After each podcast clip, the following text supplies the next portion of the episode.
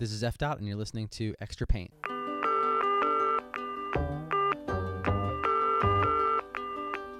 Hey, my name's Eric Friedenson, aka F Dot. Extra Paint is a podcast for muralists, artists, and art lovers of all kinds. In each episode, we're talking with a different artist or maker who is truly dedicated to their craft and making an impact in their community. That's what this project is all about. We've been building a community on Instagram under Muralists, and we're just sharing information, sharing stories about different artists that we find inspiring. And this podcast helps you go a step deeper, getting to know the artists behind the work. This episode we have today is a really special one. We have a guest all the way from France. Her name is Aurelia Durand. She is an illustrator, muralist, animator. She does a lot of really beautiful work that highlights diversity and representation. Most recently, she created a book that's called This Book is Anti Racist and we we got into all that stuff today, some of her process, her favorite projects, and a little bit more about herself outside of illustration. So I think you're going to love this conversation. It was a really important one for me to have, especially when we had it um, a couple months back.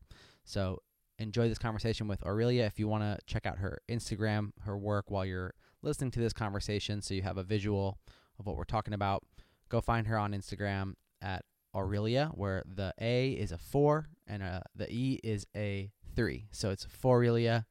You'll find her.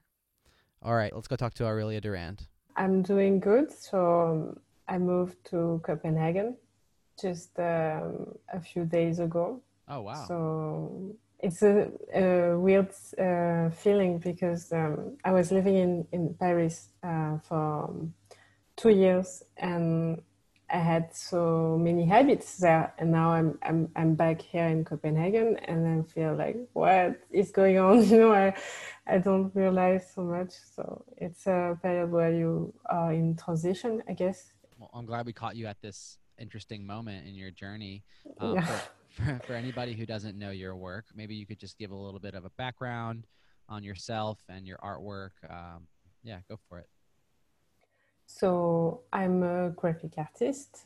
Um, I do many things. Um, I illustrate, I paint, I um, animate, and I have many ideas. Yeah, I like to use different mediums to to to create, um, and I like to use bold colors and um, represent um, diverse diversity in my work. Um yeah, I like my work to be playful. That's why I use all of these mediums and I also use colors and patterns and words. Um I want it to be uh, joyful and um it's my way to communicate with others and to turn um messages like uh, anti-racism or just joy in general that's all awesome. We're going to get into a lot of that. I want to talk to you later about um how you bring diversity into your work, but first I want to know how you got into making art. Was it always something you did since you were a kid? Did you have somebody encouraging you when you were growing up to to pursue this as a as a career or was it like what just tell me a little bit about your journey to get to where you are now? When I was a kid, I really liked to draw and my parents noticed did that and they pushed me if I wanted to uh, do some art studies um, after high school then they would say okay we could help you and which school do you want to go? And they would be um, um, always supporting me because they knew it was the only thing I was uh, excited for. Um, so I after high school so I was 18 I went to um, to um, preparatory uh, school. It's one year in Paris. Uh, so it was a school um, where I uh, learned everything about art, like just the base, because in high school you don't really see anything about art. So it's not very deep, uh, but this year was very intense and um, it was so exciting. I went to museums, I met people who were interested in the same thing as me. We went to museums, we went to festivals, we did a lot of things together. And I was also sketching every day and and trying out many things like uh, painting, pictures, sculpture, reading books about art, uh, magazines. Uh and I didn't really know what I wanted to do. It was more an exploration. And and this years this year has been one of the most important in my whole uh, research as a as an artist. Yeah, and then after the um, the year of preparatory, I uh I went to a national school in France.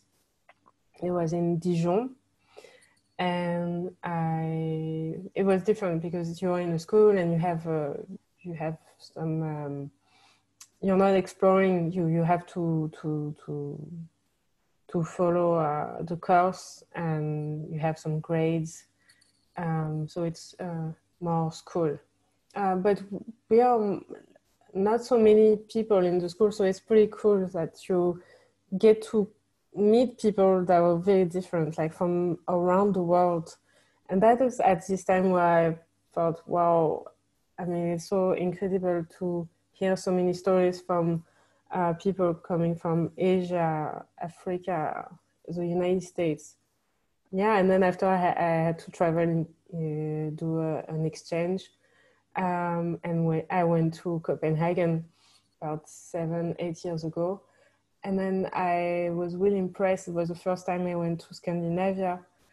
I really loved the design, Uh, but at this time, I didn't know if I wanted to be an illustrator. As a, I, I was just, um, I was following, uh, my study was uh, pr product design. So it was to design objects like chairs, table, um, just objects. Um, um, didn't, uh, to become a, an illustrator was not something I was dreaming of. It was, uh, it I, I became an illustrator because of many things happening in my life that led me to something maybe I knew I wanted to do it, but I didn't know how to. Um, so I was turning around, I guess, for so many, so many years. And in Copenhagen, I really loved the, the design, the minimalism. But also, after uh, living there for seven years, uh, um, yeah, after my uh, my exchange, I wanted to stay because it was not enough six months. So I stayed and also made uh, my boyfriend. And uh, the reason why you stay, I guess. Um, and and after so many years, I also felt lonely. It was really tough to go to a new country, and um, it was not the same as being in a school where you meet people you you're on your own and you have to also figure out what you're going to do as a living. After studying 5 years 6 years are you going to do something with what you learned? Or are you going to um do something else? And it was very tough this years where you had to figure out and I had to reinvent reinvent myself. What am I going to do with all the thing I learned? so I did many things, many startups, many small projects on my own. I was not earning money from that, but I was I had jobs besides uh was uh, working in a hotel and was cleaning cleaning or babysitting. But bes uh, besides that I I was like okay it's not what I want to do. I want to do art and I have to involve myself. So uh, I started to to illustrate the most interesting part of that I want to talk to you about is moving countries.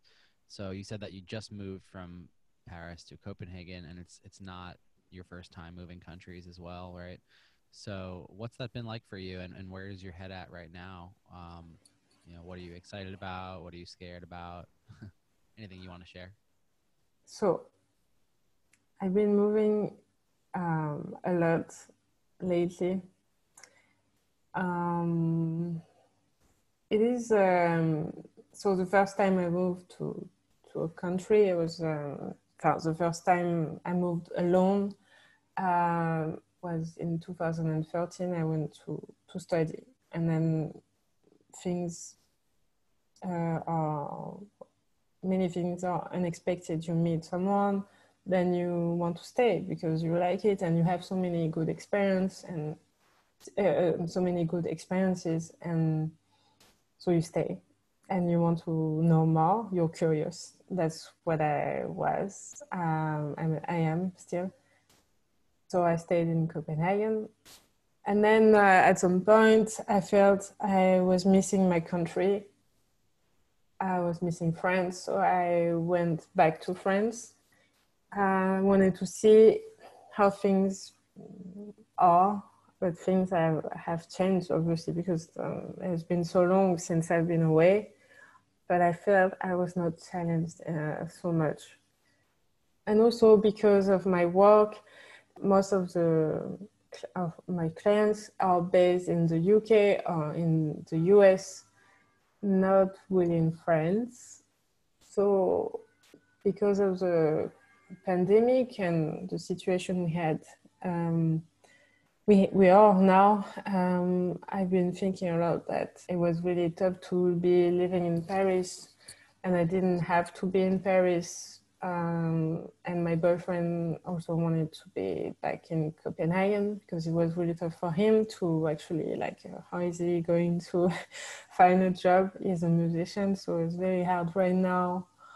Um so i felt it was better to come back um in Denmark it's always like when you go to a country and you leave your home uh your home country you always feel how how I, you always ask yourself how things would have been could have been if I stayed in in my country? Um because you're far away from your family and everything you knew you used to know and it feels it's a bit um, hard to, to, to go to a new country. And it still is for me. But I think that when I'm away, it's where I'm having the most in inspiration and it's where I am the most creative and I'm, I'm getting a lot of ex new experiences. And I think to, as a creative, it's so important to experience new things and to put yourself in, in this situation where you you are challenged because you're also make you're going to make your art also challenged and bring in more um more ideas to your work. Private life is so much uh important in your work as an artist. Um you can't separate both of them. Yeah it's just all together. Yeah, I I agree. I think the your personal life should inspire your creative work and vice versa.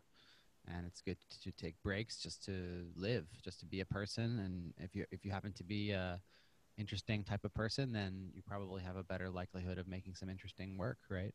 Yeah. Um, the the adventures that you have outside away from your career uh, often find their way back into your work.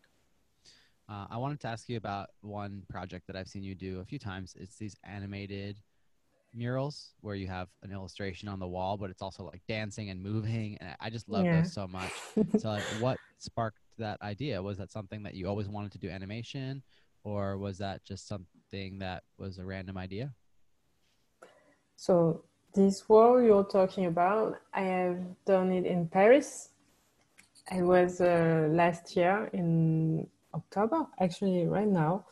Um, I was uh, painting this wall, which is uh, 45 meter long in the street of Paris, near to Ménilmontant. Um, it, it was there only for three months so it's been a bit like oh no it was so much work but then it it, it was a way, a way you know so i was thinking because when I was doing this work, I didn't know yet I wanted to do an animation uh, out of this work.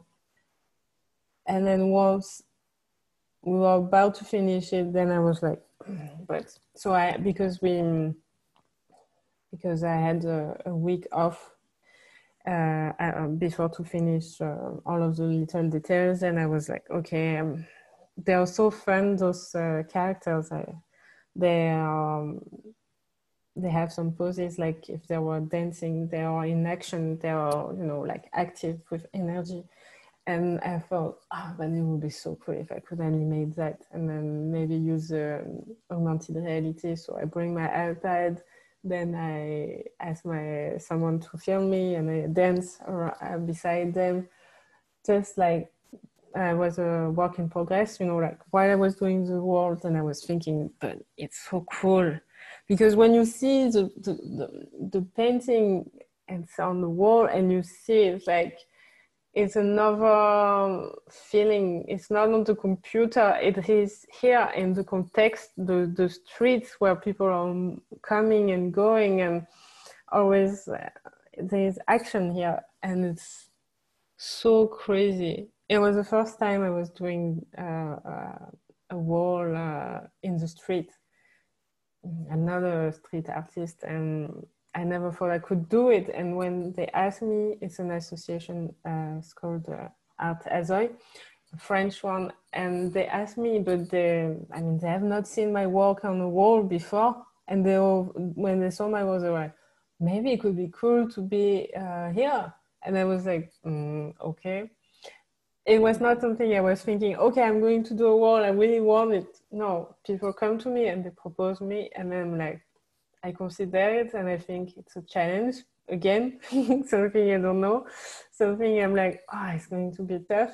It was tough, but then once you're, you see it on the wall, you're like, wow. Then I, I asked to my boyfriend to make some music to go with the animation. So if you see, you can see it on my Instagram.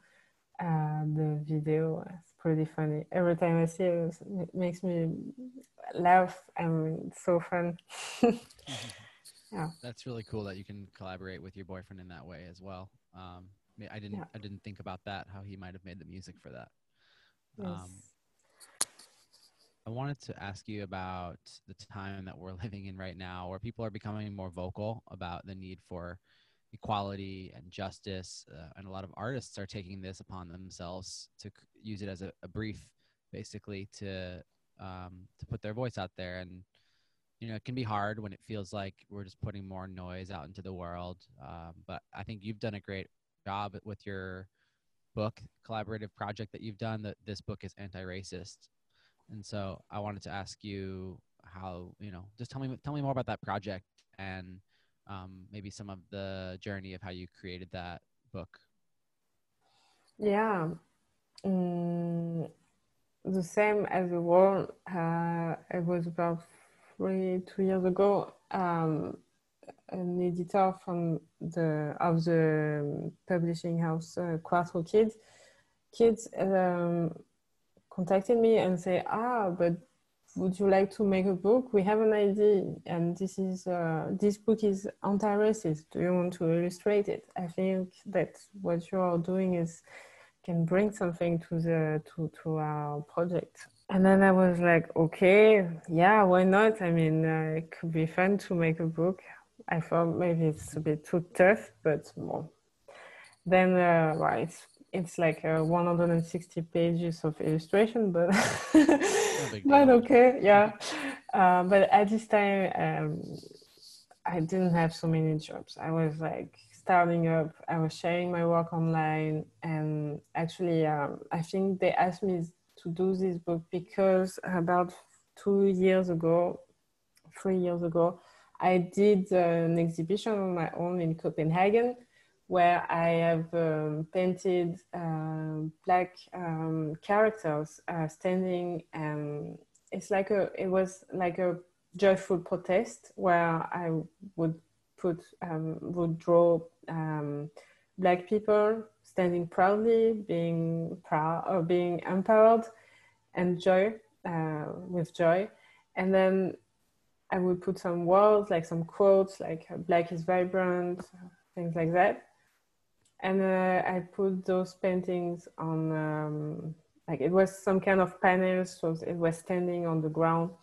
And it was about like to communicate with people.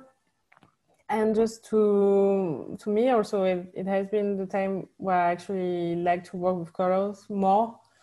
Um and I was exploring. And then they saw this work and they were like yeah I mean this is perfect for the idea and So that's how the the book uh, started. And then uh, but I never met the author. We we could we can we could not because of what's happening now. And but I met the the pub, the the publisher and uh, they're based in London. So I, I met them because I went to some um, I I I made some walls actually to present uh, to to to promote the the book in London and some uh, of the bookstores uh, in foils and in a smaller shop. Um and it was really cool. Um but now so we released the book in January. Uh this January it was uh, starting well uh, we were planning to sell i don't know 10,000 a, a year. Nothing like normal book i don't know. Because it's in uh, the US and the UK and Canada. And then in June uh because of um of the death of George Floyd and also um all of the protests and the movement on on the social media um, people were interested in buying books to understand more what's happening. And so the book uh, sold out on Amazon, on everywhere. I mean, it's been really crazy. And the publisher contacted me, well, we have a problem. We don't have books now. We have to reprint everything. And also, like, they could not print them in China, so they had to find and in Europe or in the United States. Then in, in, in July, it was um, bestseller, uh, New York Times. And in August, we sold 100,050 copies. And I don't know now how many. We are even going to make a new um, a journal so people could write and do some more exercise, take action, It's mostly the book was for for for teenagers, but it's not only teenagers who are buying this book; it's everyone because we have to start from the from the beginning. You know, like uh, okay, so what's happening? How can I help? How can I take action? People are willing to do the work and uh, are very curious, and I hope it stays like that um, because it's a long process. It's not only a book that will uh, help. I mean, it's. Uh, it's more than that, but it's start and it's pretty cool. Yeah. yeah, I think it's amazing the amazing what you've done with this book and the timing was in incredible. I think it was right at the moment when people wanted to learn and wanted to open their mind to these types of ideas. Uh you had this book already made and it was it was really good timing. Um do you feel like it's it's led to some other opportunities or is it more just like how can you continue to push this same message? And I don't know I'm just curious like how you're feeling about it now that you've sold so many copies of this book and uh what it means to you. Is it all just like onward upward good like happy about everything? Or um you said that you might do some kind of journal as as a follow up book for this? Yeah. Yes, and there is a, there is a journal, there is also a new book that I'm working on, not with the same author, but um, I um I don't know. I mean, it's also like right now we are living the moment and it's pretty tough, pretty hard to me to say um what's happening now. Mm -hmm. I need some distance. Uh maybe in one year I would say okay. Uh, right now, I, um, I mean, since um, since June, I have had so many people contacting me for so many jobs, and it's been very uh, overwhelming because um, because I didn't have a pause since that, and it's very hard to also like um, live my life uh, beside working. Mm. I love what I do. I mean, I draw every day. I, I really love it.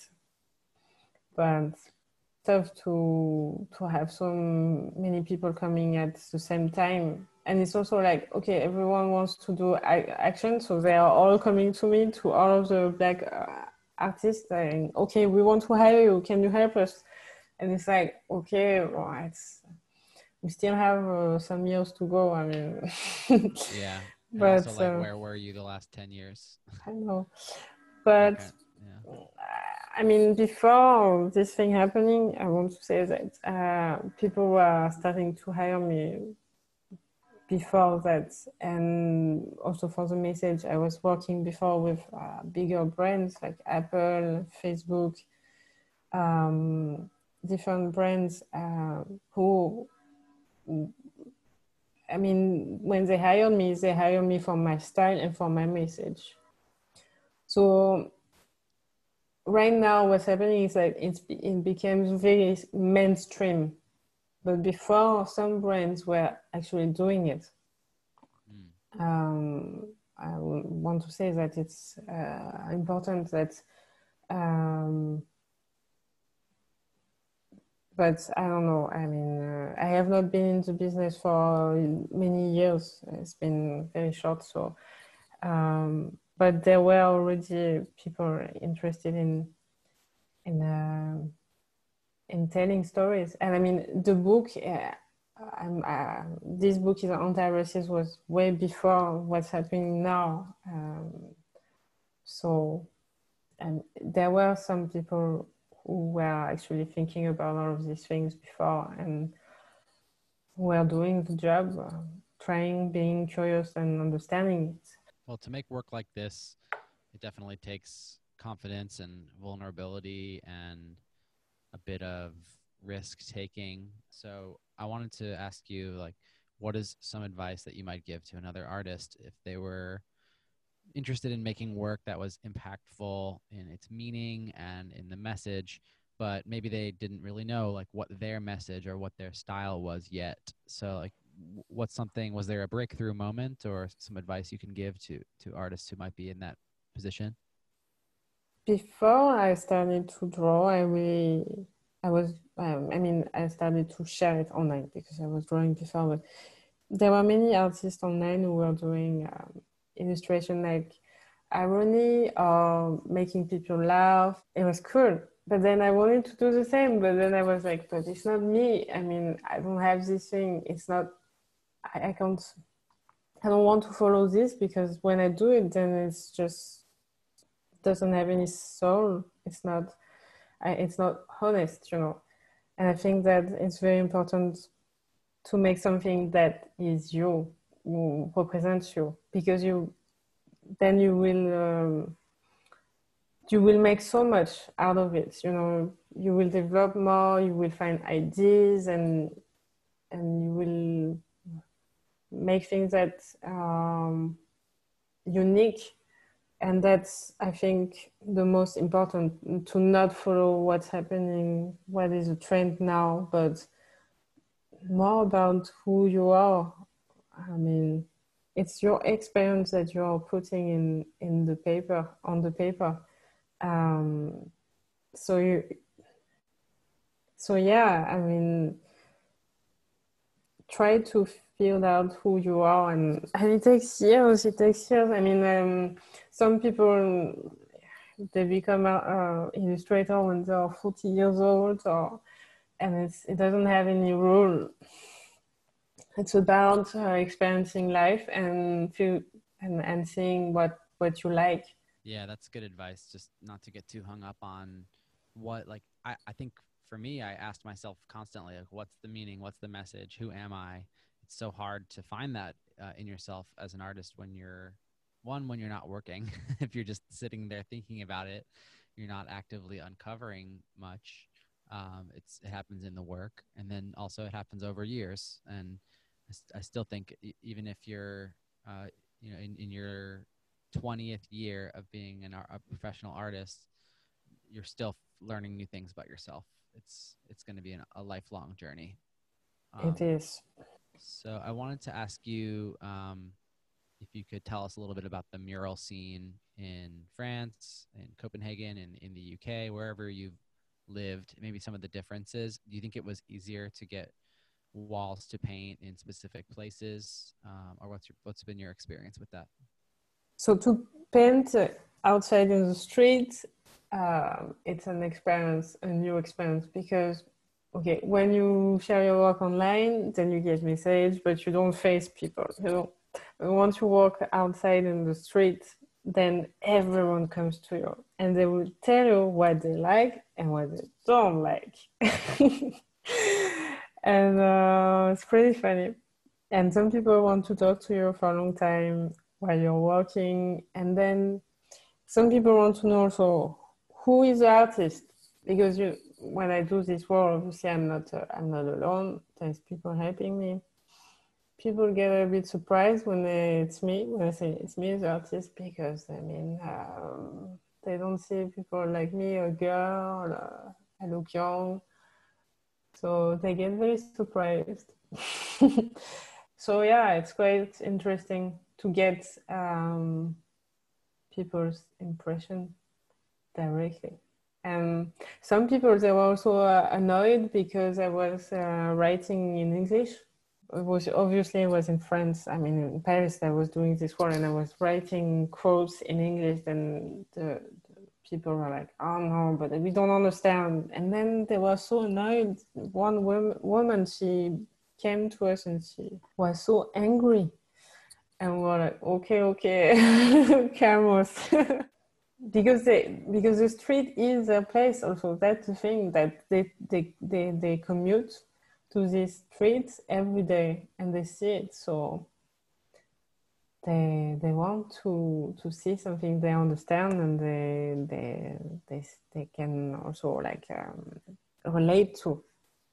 But overall people were like the colors and the energy and some they didn't want, they also wanted to have not black people but uh, all people with color of skin. And for me it's it I think it's quite interesting but I also want to out of this reaction I knew I would have it. It's not like I didn't know. But I like to challenge people because we live in a world connected that is very connected and we see English everywhere and and we don't see enough black people so I mean that was a good way for me also to put my words here in the street and say hey I mean uh, you know things are changing and I'm I'm part of this movement you know. So it's quite cool to be to have this whole to have done this work and I hope I will do more and I will challenge some districts more and say, hey, you know, the world is not only what you know, you used to know, there is other people. So it's quite cool. I love that you have the power as an artist to represent whatever message, whatever meaning you have inside of you and I think that's beautiful how you you just you see something that you want to change about the world and you simply create art to fill that void and to create that change. Um i i feel like there's not really anything we have to say about it really. It's just i want you to go look at Aurelia's work if you're listening to this and just appreciate it and let it inspire you. For me it's super inspiring. Um yeah i don't know. Do, sure. do, yeah of course. What's next for you? What are you looking forward to creating? Are you going to do another uh besides besides the the journal project? What what are you excited to do besides like getting settled in your new home? What's what's on your mind in this season? I'm I'm going to maybe make another book. I'm still working on that, so there will be in total three four books at the end of uh, next year. And I know this is very hard work because it's a lot of illustrations and you have some deadlines because you know that you have to finish it so it will be published. I have this and then I have a lot of um, uh, commission works coming up. I also am uh, represented by an agency. Um, it's called Snyder uh, New York and it's a women's women's owned company and they represent me in the US and UK so I get a lot of jobs from them also um but it's very spontaneous so like tonight they can say to me do you want this job or not or so yeah do you feel like yeah. it's been hard for you to find the balance of creating and marketing and then also like the work life balance as well I mean, it's very hard. I mean, today, for example, I spent the whole day sending ma mails. I didn't really draw today. The whole day I didn't have time. I had to uh, do all of the technical aspects, which means um, sending invoice. Then you have to agree on, on some budget, which is really hard also to give um, a price on your work even if you work with the same clients, client sometimes they don't have the same budget and you think they have, but no. And you have to reconsider things. And some projects are very exciting and you're paid not so much, but then you like you take it because it's a way also to communicate you're still here. And so it's we don't learn that at school or anywhere else, and people don't talk about it. But um, there is a lot of things um, that I, I had to learn. But I'm the best at, at doing it because I know my work and I know what it's worth and I know, I mean, I, I'm the one who is doing it, so no one else can do it. So you have to learn all of these things. But it's, uh, it's not fun. I don't like this part. no. But uh, you have to because it's how you how you survive. If I don't do it, then I cannot continue to do what I'm doing. So I have to do it. It's a yeah. necessity. It's definitely uh, a necessary evil. Uh, I think I like to remind myself of just focusing on what I can control because I can't always control uh what's going to come in through my inbox this week, but I can control what I'm spending my time on. I can control my personal projects. Uh I can control who I can reach out to if I want to do some outreach so there's a lot of different things you can do to to keep moving the needle forward in terms of like getting bit better projects. Um, yeah it's all about focusing on well one main thing like don't go don't uh, try everything just focus on one thing. And it's what i did. I focused on making my art making my personal projects always.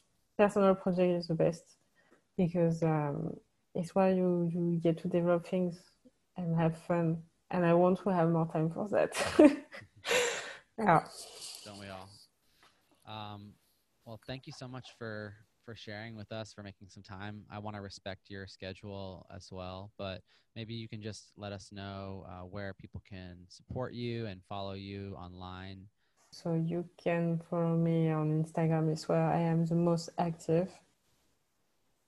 I also answer some uh, DMs There you I go. Do. And it's just Aurelia, but the A is a 4 and the E is a 3, right? Yes, yes, because there were already many people called Aurelia. It's cool. Yeah, I, I love following you and every time your work pops up on our feed, uh it's always just like something fresh and exciting and nice. I love your, the characters, especially the animated ones. So go give her a follow and support and um if anybody has questions for uh, for you, would you mind if they reached out? I know that our community, I'm sure, would love to hear more, uh, yeah, more yeah. about like what you've learned. Yes. Okay, cool. Yes. Uh, well, thanks again. And um, we'll have to catch up with you again soon. Hopefully you have a good good uh good time settling into your new place in Denmark. And we'll talk yes. Soon. Thank you